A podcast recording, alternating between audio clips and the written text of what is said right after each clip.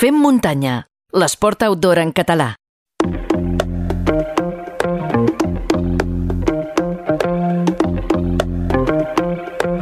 I ha arribat el moment del Fem Muntanya en què agafem paper i boli i anem a la biblioteca acompanyats eh, pel nostre bibliotecari, en Marc Cornet. Eh, és temps de muntanya de llibres. Marc, hola, què tal, com estàs?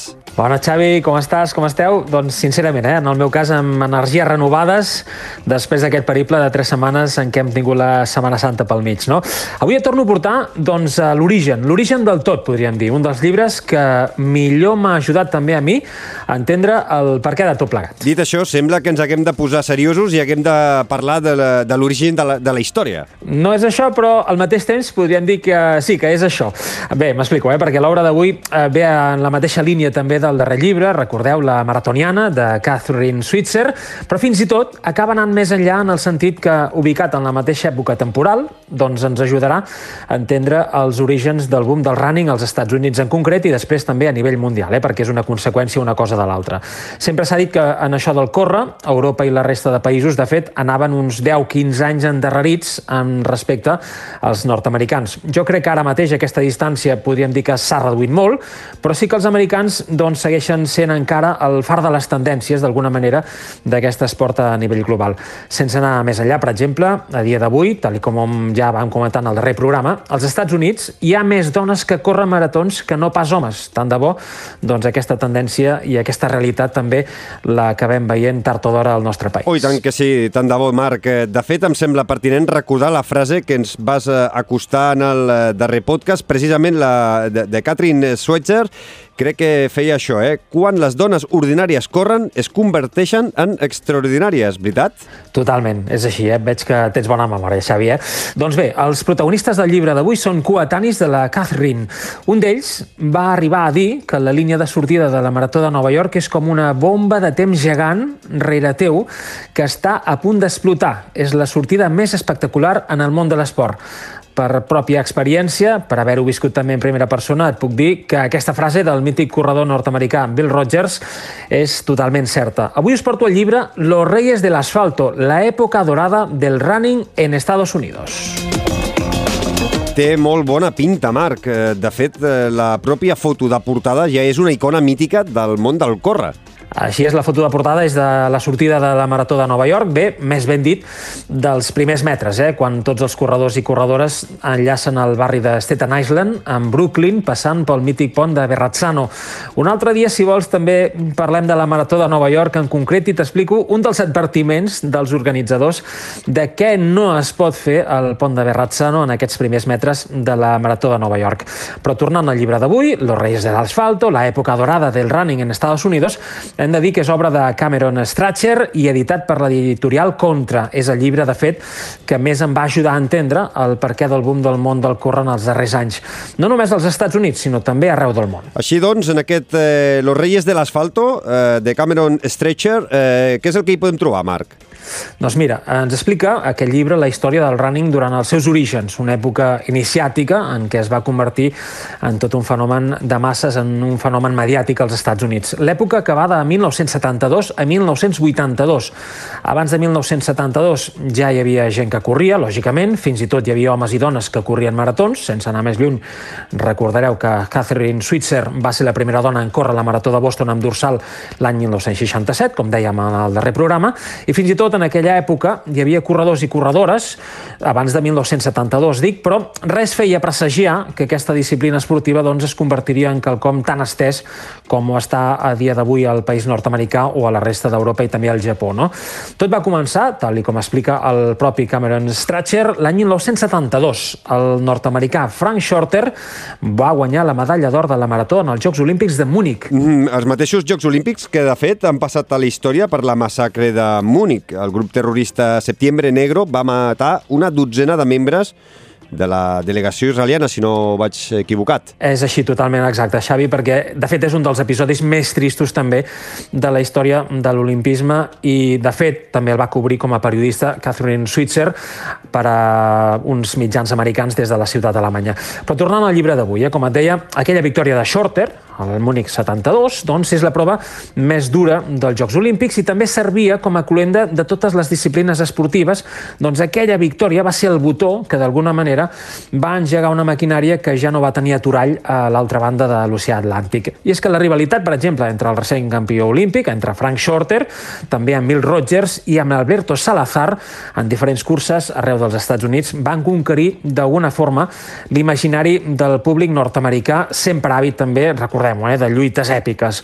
Los Reyes de l'Asfalto, el llibre d'avui, doncs, evoca aquells temps, aquella època en què aquests tres corredors van lluitar per treure el millor de si mateixos en cada cursa i en cada marató en la qual participaven, convertint, de fet, els seus èxits i també les seves guerres atlètiques en quelcom llegendari. Rogers, Shorter i Alberto Salazar, per cert fill d'immigrants cubans, van lluitar per aconseguir allò que semblava inconquerible i en aquest procés de revolta atlètica d'alguna forma podem dir que van arrossegar també rere seu a tot un país en una carrera cap a la glòria. Una glòria, Marc, en la qual també cal tenir en compte el procés històric a nivell polític que vivien els Estats Units en aquella etapa també, no? Totalment, Xavi, perquè sense anar més enllà, per exemple, l'any 1978 els Estats Units estaven immersos doncs, en una crisi important. Feia pocs anys que havia conclòs la infausta guerra del Vietnam, Jimmy Carter era el president d'un país en què el preu de la benzina, per exemple, estava pels núvols i milions de nord-americans havien d'estrenyar-se cada dia el cinturó ben fort per fer front a la important crisi econòmica i també social que vivia el país. No? Doncs en aquells mateixos moments, un llibre com The Complete Book of Running, de Jim Fix, no parava d'esgotar-se les llibreries. Un altre dia, si vols, en parlarem, eh, d'aquesta bíblia del Corre, d'aquest The Complete Book of Running del Jim Fix, però tot això, doncs tot això, tot aquest embolcall, podríem dir que posa de manifest que la gent, els homes i dones nord-americans, necessitaven d'alguna forma una vàlvula d'escapament de la dura realitat diària. I el running, d'alguna forma, doncs també el fet de sortir a córrer, tal com relata Cameron Stretcher a Los Reyes de l'Asfalto, els va donar no, aquesta vàlvula d'escapament. Shorter va sembrar la primera llavor, gràcies a aquella doncs, victòria en la Marató Olímpica de Múnich 72, però les seves lluites mítiques que dèiem amb Bill Rogers, que sense anar més lluny va guanyar quatre vegades la Marató de Nova York i quatre vegades més la Marató de Boston. déu nhi Les lluites de Shorter amb Rogers i també amb Alberto Salazar, campió tres cops a Nova York i un cop a Boston, doncs aquestes lluites van ser front de motivació per a milers i milers de persones que necessitaven d'alguna forma un referent més enllà de la dura vida diària que els tocava viure. No? El béisbol i el futbol americà en aquells temps eren els esports més seguits pels nord-americans, però de cop i volta aquella pràctica, el jogging, va passar a anomenar-se running i va semblar que els Estats Units, doncs, en forma de país sencer, hagués descobert la seva nova passió. I enmig de tota aquesta passió i boom, Cameron Stretcher també ens narra les diferents edicions de la Falmouth Road Race. Exacte, Xavi. De fet, va ser a través d'aquest llibre que jo vaig conèixer, vaig descobrir aquesta mítica cursa als Estats Units que se celebra cada any a Falmouth, a l'estat de Massachusetts, sobre un recorregut de 7 milles. De fet, enguany, el 21 d'agost d'aquest 2022, se'n celebrarà la cinquantena edició, bodes d'or, des d'aquelles primeres edicions en les quals Alberto Salazar, Frank Shorter i també Bill Rogers van convertir-se doncs, en una autèntica batalla entre ells tres, una autèntica batalla atlètica. No? A Falmouth, any rere any, així com també la Marató de Boston o la Marató de Nova York, va quedar de manifest que aquest trio de corredors superdotats doncs era tan conflictiu i dramàtic com un combat de boxe, per exemple, entre Muhammad Ali i George Foreman. Cadascun d'ells Shorter, Salazar i Rogers lluitava per superar les fites que havien conquerit els altres dos. I aquella lluita, aquest frec a frec, no va fer res més que incrementar doncs, les capacitats esportives i de rendiment de cadascun d'ells i els triomfs de Rogers, Salazar i Shorter van impulsar també a tota una nació indolent, d'alguna forma, totalment abatuda davant del televisor, a calçar-se les sabatilles i sortir al carrer a cremar l'asfalt. No us vull lliurar més detalls, eh, perquè realment és la història, doncs, podríem dir, per triplicat d'aquests tres corredors, però mm, l'obra de Cameron Stratcher també d'alguna forma anima a deixar de seure davant de la televisió, sortir a córrer una estona i en aquest cas, si podeu vosaltres, doncs passeu per davant d'una llibreria, feu-vos amb un exemplar de Los Reyes de l'Asfalto, la època dorada del running de los Estados Unidos, un llibre, de fet, que ens parla de córrer ràpid, però sobretot també de la voluntat d'allò més autèntic i primari, córrer per viure i sobretot també en alguns casos per sobreviure. Doncs així ho farem, eh, Marc? Eh, col·loquem ja en la prestatgeria de la muntanya de llibres aquest exemplar, aquest desè llibre que recomanem en aquesta secció del Fer Muntanya. Per cert, Tenim un exemplar del teu llibre corrent cap a Viquila que espera guanyador, perquè en el darrer programa, ara fa tres setmanes, en el programa 63, us vam demanar quina va ser la primera dona en córrer la Marató de Boston. I la resposta, Marc, és... La resposta és Roberta Gibb. Fixeu-vos bé que la pregunta tenia una mica de trampa. Eh? Us vam demanar quina va ser la primera dona que va córrer la Marató de Boston i tal i com ja us vam dir, no era en aquest cas Cathy Switzer, que sí va ser la primera dona, però en fer-ho amb un dorsal al pit i en completar també tot el recorregut des de Hopkinton fins a Hereford Street. Roberta Gibb, en aquest cas, va ser la primera dona en córrer a Boston un any abans, fins i tot que Switzer, era el 19 d'abril de 1966. Roberta Gibb, però en aquest cas, a diferència de Switzer, ho va fer sense dorsal i incorporant-se també al recorregut uns metres més enllà de la línia de sortida per tal de no ser descoberta. Recordem també que la G67, però també al 66, les dones tenien prohibit córrer aquesta marató, la marató de Boston.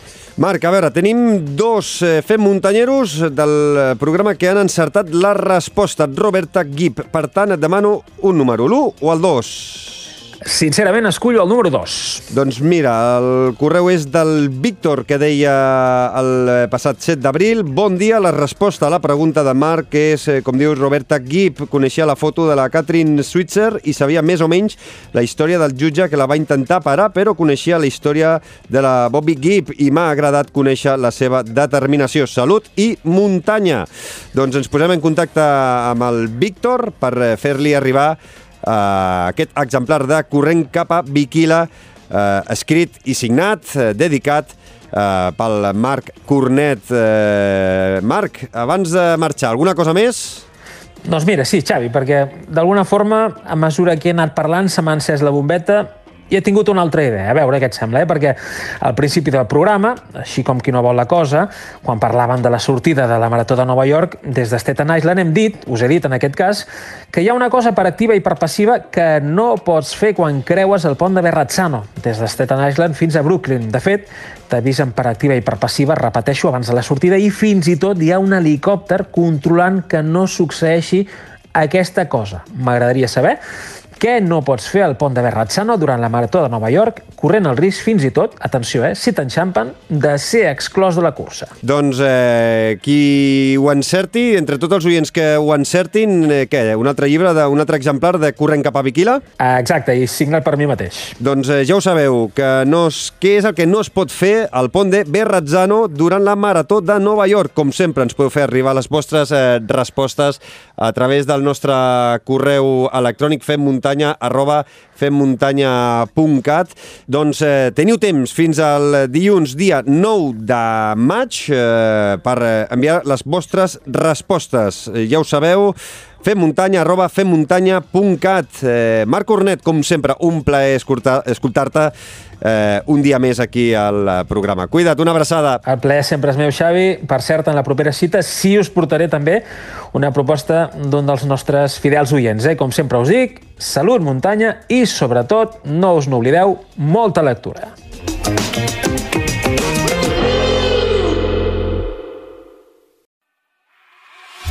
Busca'ns i subscriu-te a qualsevol de les principals plataformes de podcast. Spotify, Apple Podcast, iVox, Google Podcast i moltes més.